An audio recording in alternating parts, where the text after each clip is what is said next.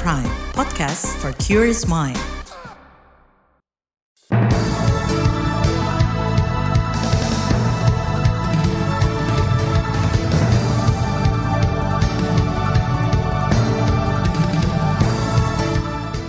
Selamat pagi saudara, berjumpa kembali dalam program Buletin Pagi edisi Selasa 10 Oktober 2023. Saya Naomi Liandra.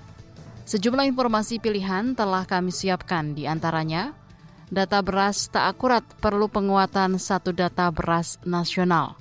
Mahfud MD dorong pengusutan dugaan pemerasan oleh pimpinan KPK.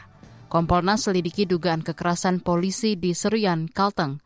Inilah Buletin Pagi selengkapnya terbaru di Buletin Pagi. Saudara, dalam waktu berdekatan, dua menteri menyatakan pentingnya memiliki data beras nasional yang akurat.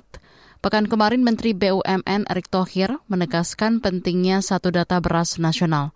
Tujuannya agar produksi dan impor bisa terencana baik dan tak mudah dimanfaatkan mafia beras. Lalu, kemarin, giliran Menteri Dalam Negeri Tito Karnavian yang mengeluhkan kurangnya akurasi data beras antara kementerian dan lembaga. Akibatnya distribusi beras menjadi tidak tepat sasaran.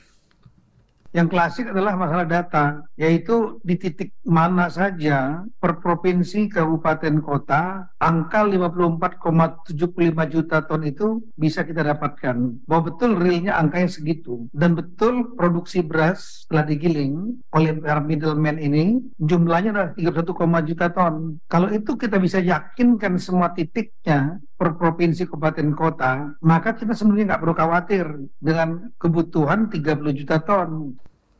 Mendagri Tito Karnavian juga mencontohkan sengkarut data beras. Misalnya data di Kementerian Pertanian yang mencatat produksi beras lebih dari 31 juta ton. Jumlah itu seharusnya bisa menutup kebutuhan beras nasional sebanyak 30 juta ton. Dengan kata lain, impor beras pun tidak perlu lagi dilakukan. Tapi faktanya tahun ini impor beras masih dilakukan. Sementara itu, pelaksana tugas Menteri Pertanian sekaligus Kepala Badan Pangan Nasional Arief Prasetyo Adi menjelaskan data produksi beras nasional saat ini mengacu pada kerangka sampel area KSA dari Badan Pusat Statistik. Data KSA diolah BPS dan menghasilkan proyeksi produksi beras tiga bulan ke depan. Dari sini Arief sepakat dengan Mendagri untuk mengakurasikan data beras nasional. Jadi Pak Mendagri itu betul, harusnya semua pakai satu data gitu.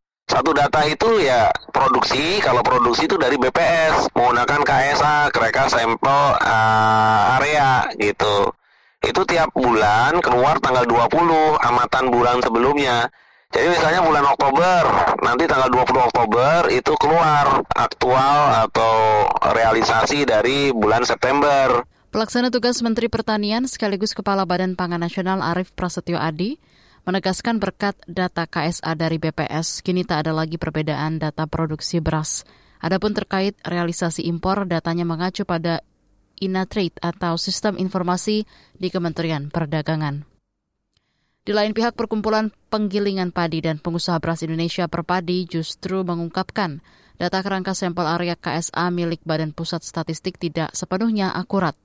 Ketua Umum Perpadi, Sutarto Alimusoro, Ali Muso menyarankan perlunya pengecekan berkala antara data KSA dengan kondisi real di lapangan.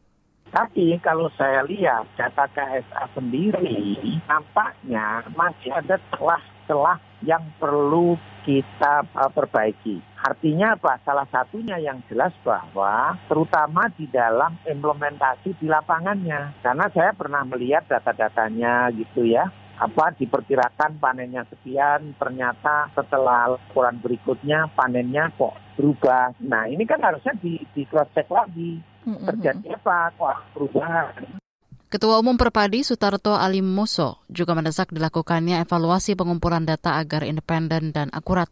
Di lain pihak, Ketua Departemen Kajian Strategis Nasional DPP Serikat Petani Indonesia SPI, Mujahid Widian mendorong pemerintah menyingkronkan perbedaan data stok beras nasional. Menurutnya perbedaan data stok beras di Kementerian Pertanian, Kementerian Perdagangan, Bulog, dan Badan Pangan Nasional kerap menjadi sumber masalah, sekaligus alasan untuk mengimpor beras. Sementara itu pengamat pertanian sekaligus Kepala Pusat Bioteknologi Institut Pertanian Bogor IPB, Dwi Andreas Santosa, mendesak pemerintah agar memiliki data beras nasional selama tiga bulan.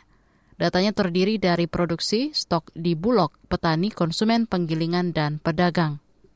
Menurut Andreas, jika pemerintah memiliki data stok beras nasional yang presisi, maka impor beras bisa terencana data-data tersebut yang sangat diperlukan uh, sehingga kalau kita memiliki data produksi tahun yang bersangkutan perkiraan produksi tahun yang bersangkutan dan stok pada bulan tersebut maka kita bisa memperkirakan uh, oh kita perlu impor atau tidak oh produksi lebih sehingga kita tidak perlu impor. Oke, oh produksi kurang, maka kita perlu impor dan berapa jumlahnya ditentukan dari sana.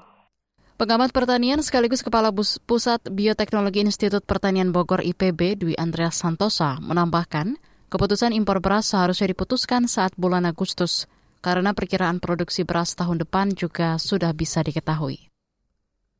Saudara Menko Polhukam Mahfud MD dorong pengusutan dugaan pemerasan oleh pimpinan KPK. Informasinya hadir usai jeda tetaplah di Buletin Pagi KBR.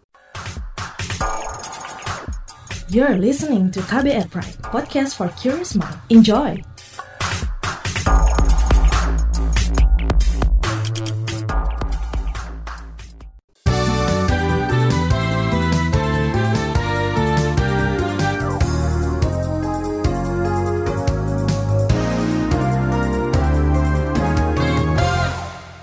Anda sedang mendengarkan Buletin Pagi KBR. Saudara Menko Polhukam Mahfud MD mengklaim terus berkoordinasi dengan Komisi Pemberantasan Korupsi KPK dan Polda Metro Jaya guna mengusut kasus pemerasan yang diduga dilakukan pimpinan KPK. Pemerasan ditujukan kepada bekas mentan Syahrul Yasin Limpo yang memang tengah terseret kasus hukum. Kalau masalah yang menyangkut KPK dan Polda, saya kira sudah ada prosedur-prosedur dan semuanya sudah berkomunikasi dengan saya untuk di selesaikan dan dilalui secara profesional. Jadi itu saja yang saya sampaikan. Saya terus berkoordinasi dengan KPK maupun dengan Polda agar ini selesai uh, dengan benar dan baik. Gitu aja. Itu tadi Menko Polhukam Mahfud MD.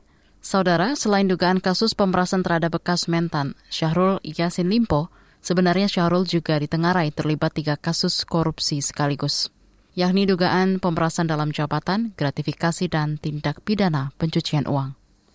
Beralih ke informasi lain, Presiden Joko Widodo meminta Majelis Hakim Konstitusi MK menolak permohonan uji materi UU tentang informasi dan transaksi elektronik UU ITE. Permintaan itu disampaikan staf ahli politik keamanan dan penegakan hukum Kejaksaan Agung, Masyudi, saat mewakili Presiden Jokowi memberikan keterangan pada sidang uji materi balai tersebut di MK kemarin.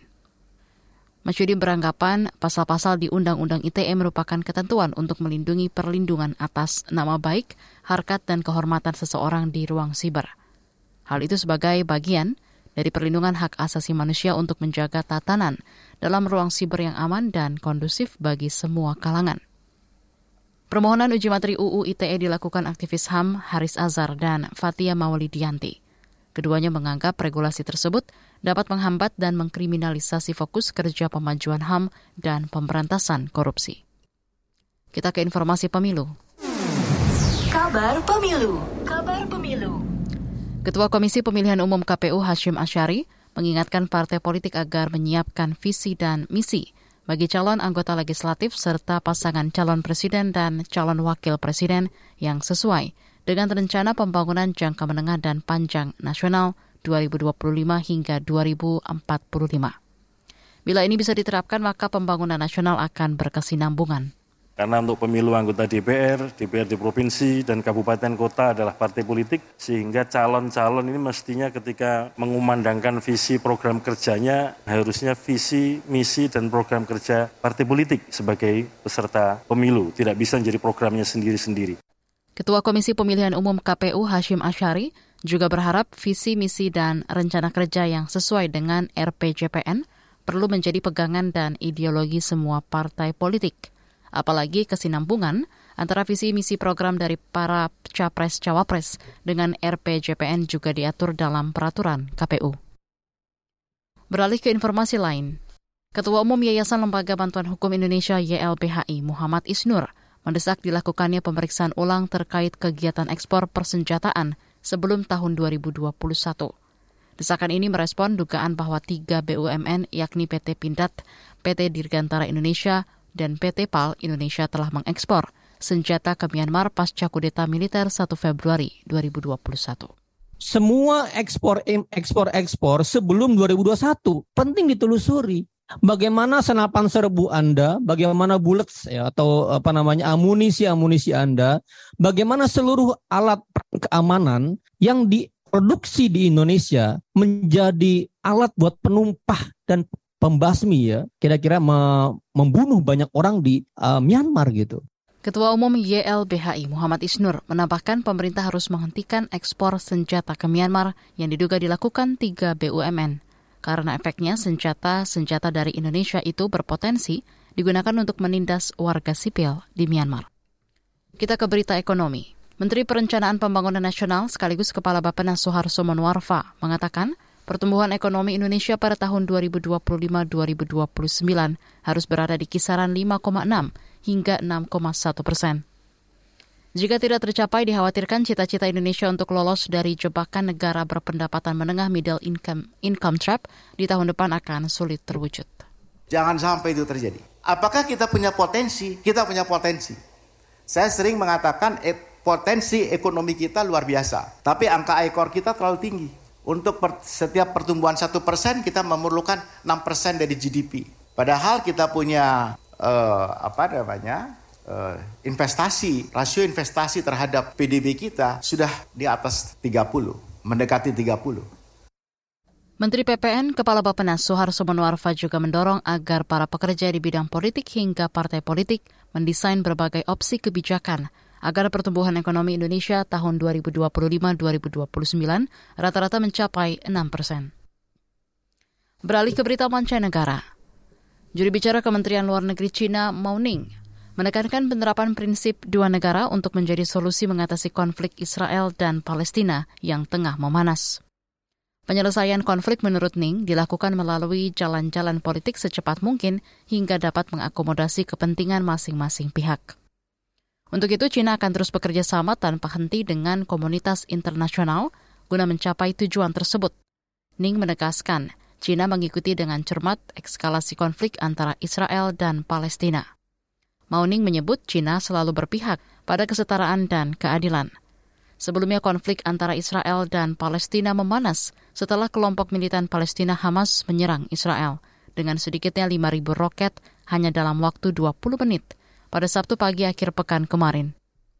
Jumlah korban tewas akibat serangan mendadak Hamas terhadap Israel telah mencapai sekitar 600 orang.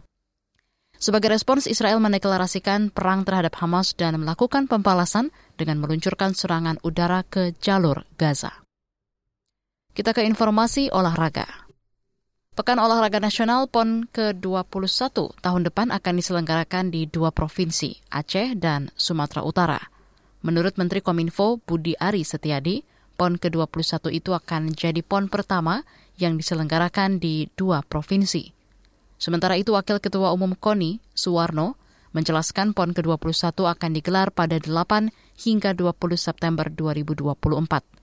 Pesta olahraga multi cabang terbesar di Indonesia itu akan dibuka di Aceh dan ditutup di Sumatera Utara. PON ke-21 akan mempertandingkan 65 cabang olahraga, dengan 32 cabang olahraga digelar di Aceh dan 33 cabang olahraga dipertandingkan di Sumut. Suwarno meyakini segala hambatan penyelenggaraan PON 21 akan teratasi dengan dukungan pemerintah pusat dan daerah. Di bagian berikutnya kami hadirkan saga bertajuk Pilah Sampah Mandiri, warga Sukaluyu tak terdampak kebakaran TPA Sarimukti. Saga akan hadir usai jeda tetaplah di Buletin Pagi KBR. You're listening to KBR Pride, podcast for curious mind. Enjoy!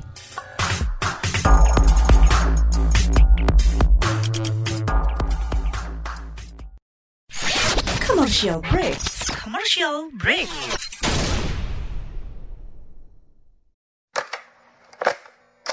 Satu kata yang mendeskripsikan cinta, respect. Jahat. Selfless. Komunikasi itu kata mereka soal cinta. Dengarkan Love Buzz di kbrprime.id. Tersedia juga di platform mendengarkan podcast lainnya.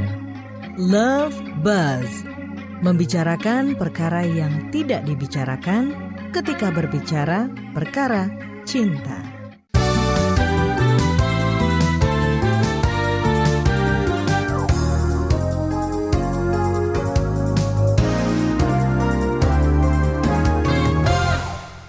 Anda masih bersama kami di Buletin Pagi KBR. Kebakaran tempat pembuangan akhir TPA Sarimukti Bandung, Jawa Barat membuat pontang-panting warga hingga Pemda. Pasalnya TPA ini menampung hampir seluruh sampah di kawasan Bandung Raya. Namun situasi ini tidak membuat resah warga RW 09 Kelurahan Sukaluyu, sebab mereka sudah terbiasa memilah dan mengelola sampah sendiri sejak 2015. Jurnalis KBR Astri Yuwanasari berkunjung ke Sukaluyu dan berbincang dengan warga tentang pengelolaan sampah mandiri. tambah bu tambah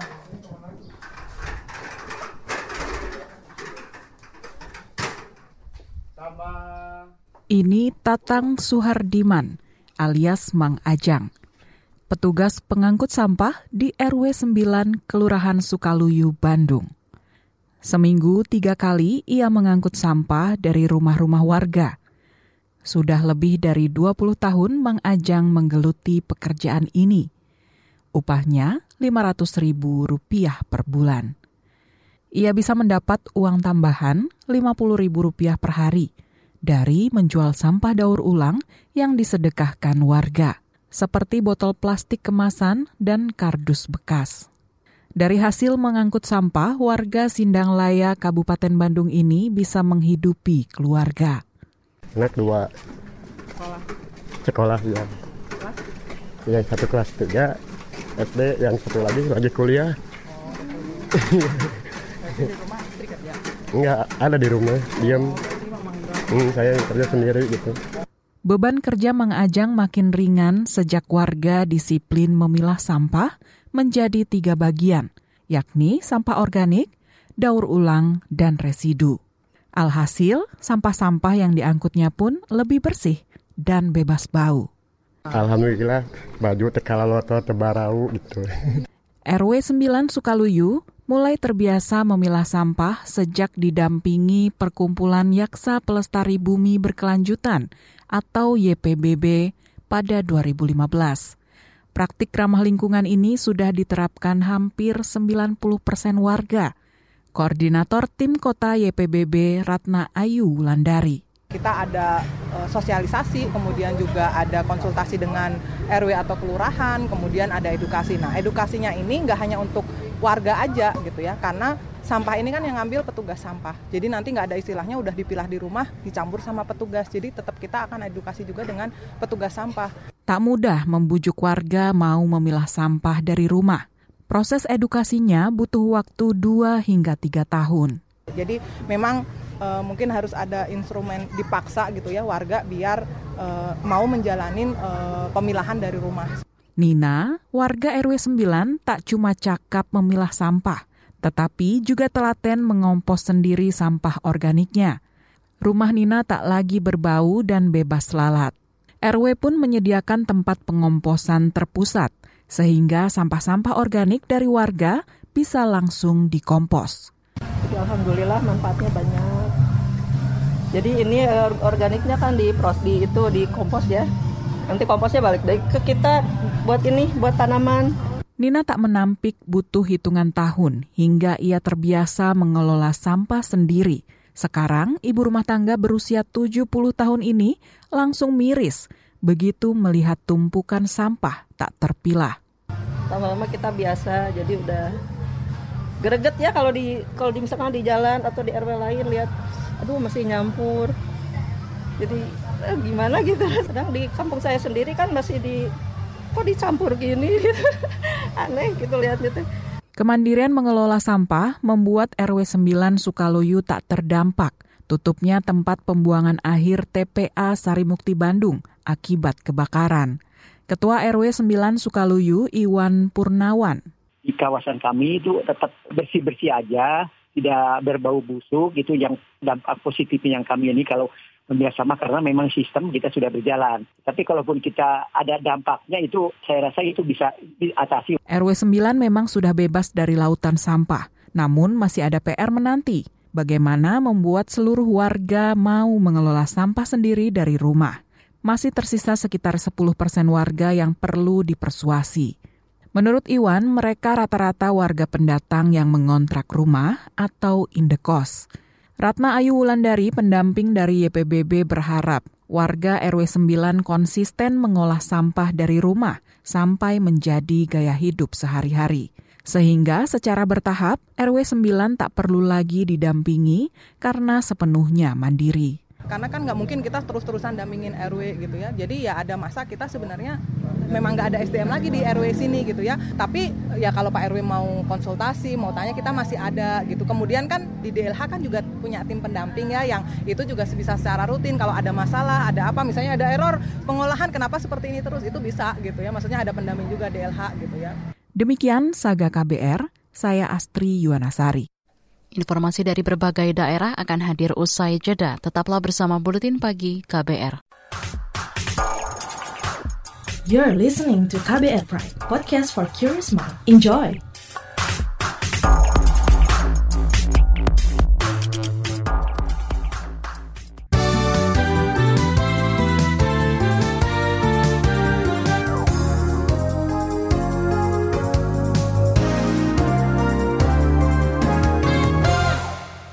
Inilah bagian akhir buletin pagi KBR. Kita ke Papua. Wakil Presiden Maruf Amin tadi malam sekira pukul 20 waktu Indonesia Timur tiba di Jayapura, Papua. Menurut juri bicara Wakil Presiden Mas Duki Baidlowi, Wapres akan berkantor di Bumi Cendrawasih hingga Jumat 13 Oktober. Sejumlah kegiatan Wapres antara lain bertemu pengusaha dan tokoh olahraga setempat serta meresmikan pembangunan kantor Pemprov Papua Selatan. Selama ini Wakil Presiden uh, belum pernah mendengar secara langsung seperti apa yang dibicarakan mengenai HAM yang selama ini sering menjadi pemberitaan, menjadi isu yang sedemikian uh, hangat baik di nasional ataupun internasional, maka Wakil Presiden juga akan uh, melakukan dialog dengan tokoh-tokoh aktivis HAM di Papua. Itu salah satu kegiatan yang ada di Jayapura. Juri bicara Wakil Presiden Mas Duki Baidlowi menambahkan Wapres Maruf Amin juga dijadwalkan mengunjungi Wamena dan Merauke. Kunjungan itu untuk memastikan percepatan pembangunan otonomi khusus Papua agar tetap berkomitmen melindungi HAM khususnya bagi orang asli Papua. Kita ke Kalimantan Tengah. Komisi Kepolisian Nasional Kompolnas menyesalkan kekerasan yang dilakukan kepolisian terhadap masyarakat yang berdemonstrasi menuntut pembagian hak lahan plasma. Kompolnas menurut komisionernya, Pungki Indarti, akan datang ke lokasi guna melakukan klarifikasi. Upaya preventif dan preemptif dalam penanganan kasus seharusnya lebih dikedepankan. Kompolnas berharap Bit Propam Polda Kalteng dapat memeriksa aparat yang diterjunkan ke lapangan untuk melihat apakah mereka sudah melaksanakan tugas sesuai SOP ataukah ada pelanggaran. Mengingat jatuhnya korban jiwa dan luka berat, perlu dilihat aturan-aturan terkait penggunaan kekuatan dan penghormatan hak asasi manusia. Apakah sudah diterapkan dengan benar ataukah masih kurang ya, masih uh, ada bolong-bolongnya. Itu tadi Komisioner Kompolnas Pungki Indarti. Sebelumnya Sabtu pekan kemarin unjuk rasa warga Seruyan yang menuntut pembagian hak lahan plasma dari PT Hamparan Masawit Bangun Persada, anak perusahaan grup Bes Agro, berlangsung ricuh. Tiga warga tertembak, seorang di antaranya tewas. Polda Kalteng membantah berbekal peluru tajam ketika itu. Sebanyak 20 warga yang sempat ditangkap dan ditahan juga sudah dipulangkan atas permintaan Gubernur Kalteng, Sugianto Sabran. Dari Jawa Timur, Badan Pengawas Pemilu Bawaslu Banyuwangi melayangkan surat imbauan kepada seluruh partai politik peserta pemilu 2024. Imbauan itu adalah menahan diri untuk tidak memasang baliho bermuatan kampanye. Ketua Bawaslu Banyuwangi Andrianus Jansen Pale mengingatkan saat ini belum saatnya kampanye. Ketua Bawaslu Banyuwangi Andrianus Jansen Pale mengungkapkan sudah berkoordinasi dengan Satpol PP untuk menertibkan alat peraga sosialisasi pemilu yang bermuatan kampanye di 25 kecamatan. Penertiban tidak akan disertai pengrusakan agar tidak memicu kegaduhan. Informasi tadi menutup jumpa kita di Buletin Pagi hari ini. Pantau juga informasi terbaru melalui kabar baru, situs kbr.id, Twitter at berita KBR, serta podcast di kbrprime.id. Saya Naomi Liandra, bersama tim yang bertugas undur diri. Salam.